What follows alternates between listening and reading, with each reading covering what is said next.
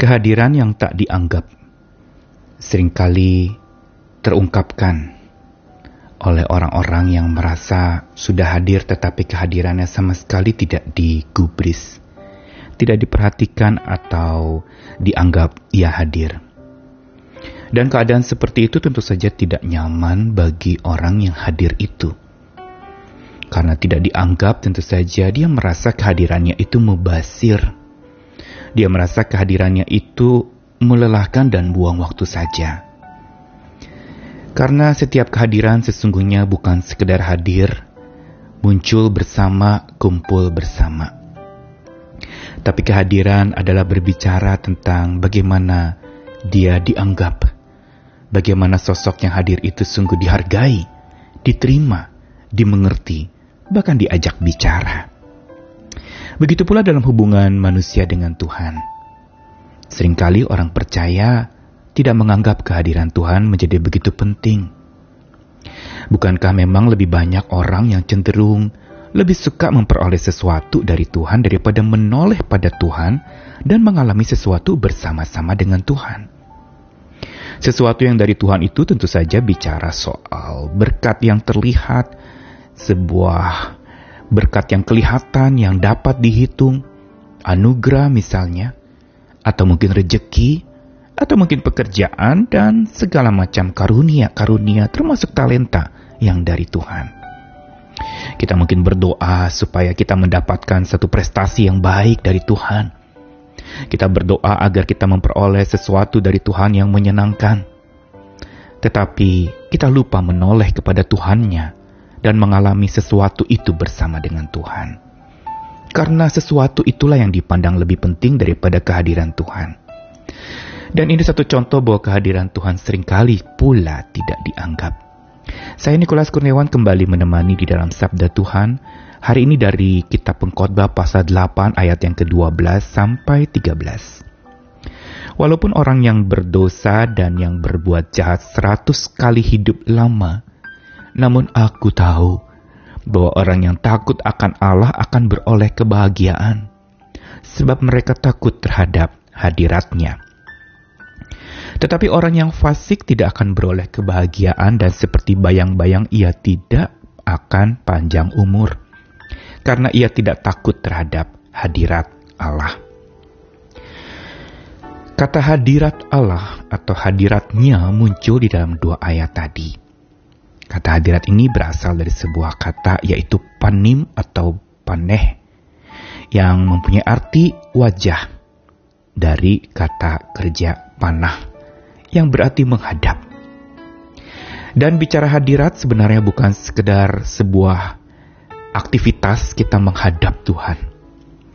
Tapi sebuah relasi di mana kita menghargai kehadiran Tuhan. Atau sebuah semangat untuk yakin bahwa senantiasa Tuhan ada di hadapannya. Tuhan senantiasa hadir di depannya. Yang berarti karena Tuhan senantiasa hadir di depannya, dia akan hidup senantiasa seperti ada di depan Tuhan. Yang tentu saja membuat seseorang menjadi lebih berhati-hati. Karena Tuhan ada di depannya. Membuat seseorang menjadi lebih hormat dan menghargai Tuhan maupun sesama orang lain dan tidak sembarangan orang akan berkata-kata karena hadirat Tuhan dia takuti. Karena hadiran kehadiran Tuhan itu sungguh menjadi sebuah alat untuk rambu menjaga seseorang. Karenanya di dalam pengkhotbah dikatakan walaupun orang yang berdosa dan berbuat jahat hidup seratus kali lebih lama, tapi orang yang takut akan Allah justru akan beroleh kebahagiaan. Karena apa? Mereka takut terhadap hadirat Allah. Yang berarti takut akan Allah, berarti takut terhadap hadiratnya, takut menghadap Allah, takut di sini mengandung kata hormat. Takut di sini mengandung kata bahwa kehadiran Allah diperhitungkan. Kehadiran Allah dianggap. Dan ini yang banyak orang menganggap Tuhan tidak ada karenanya dia sembarangan berbuat dosa, berbuat jahat, atau melakukan apa pun tanpa pikir panjang. Karena dia tidak tahu bahwa Allah sesungguhnya ada di depannya. Dan dia senantiasa hidup di hadirat Allah, di depan kehadiran Allah yang ada bersama dengannya. Dan inilah sebenarnya sumber kebahagiaan, yaitu bahwa di hadapan Allah, di saat kehadiran Allah itu ada di depan kita, itu sebenarnya sumber bahagia kita. Bukan semata apa yang kita terima berupa barang, berupa hadiah-hadiah yang dapat terlihat, hadiah-hadiah yang dapat terhitung, yang sering kali kita pandang itu lebih berharga daripada Tuhan yang tidak terlihat.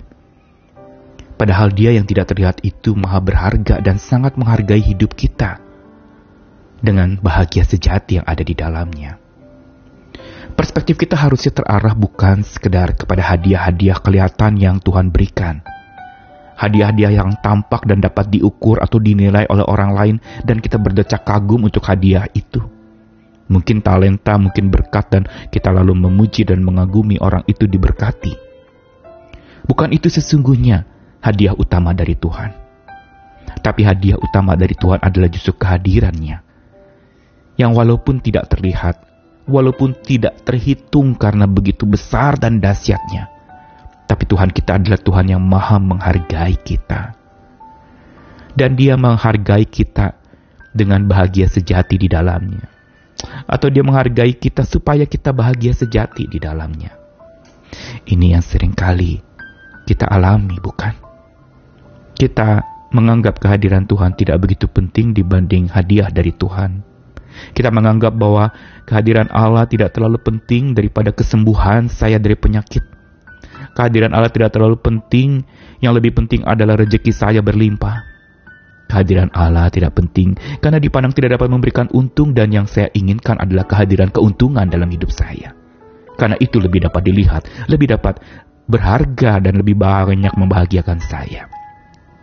Karena hari ini perspektif itu perlu diubah sesuai dengan apa yang firman Tuhan ajarkan dalam kitab pengkhotbah. Bahwa orang-orang yang Sekalipun umurnya panjang tapi tidak takut akan Allah, dia tidak beroleh kebahagiaan. Namun orang yang takut akan Allah akan beroleh kebahagiaan. Dia akan mengalami yang namanya kehadiran Allah itu membahagiakan hatinya, menghidupi hadiah hatinya, dan membuat dia menjadi makin hidup takut akan Tuhan, makin hidup berhati-hati di hadapan Tuhan. Mari kita belajar untuk menganggap kehadiran Tuhan, tanggap akan kehadiran Tuhan, dan mengungkapkan kehadiran Tuhan sebagai kesaksian hidup kita bagi sesama kita. Tuhan mengasihi kita sekalian, selamat menikmati kehadirannya, selamat memuliakan dia, menghormati kehadirannya. Tuhan maha hadir beserta dengan kita sekalian. Amin.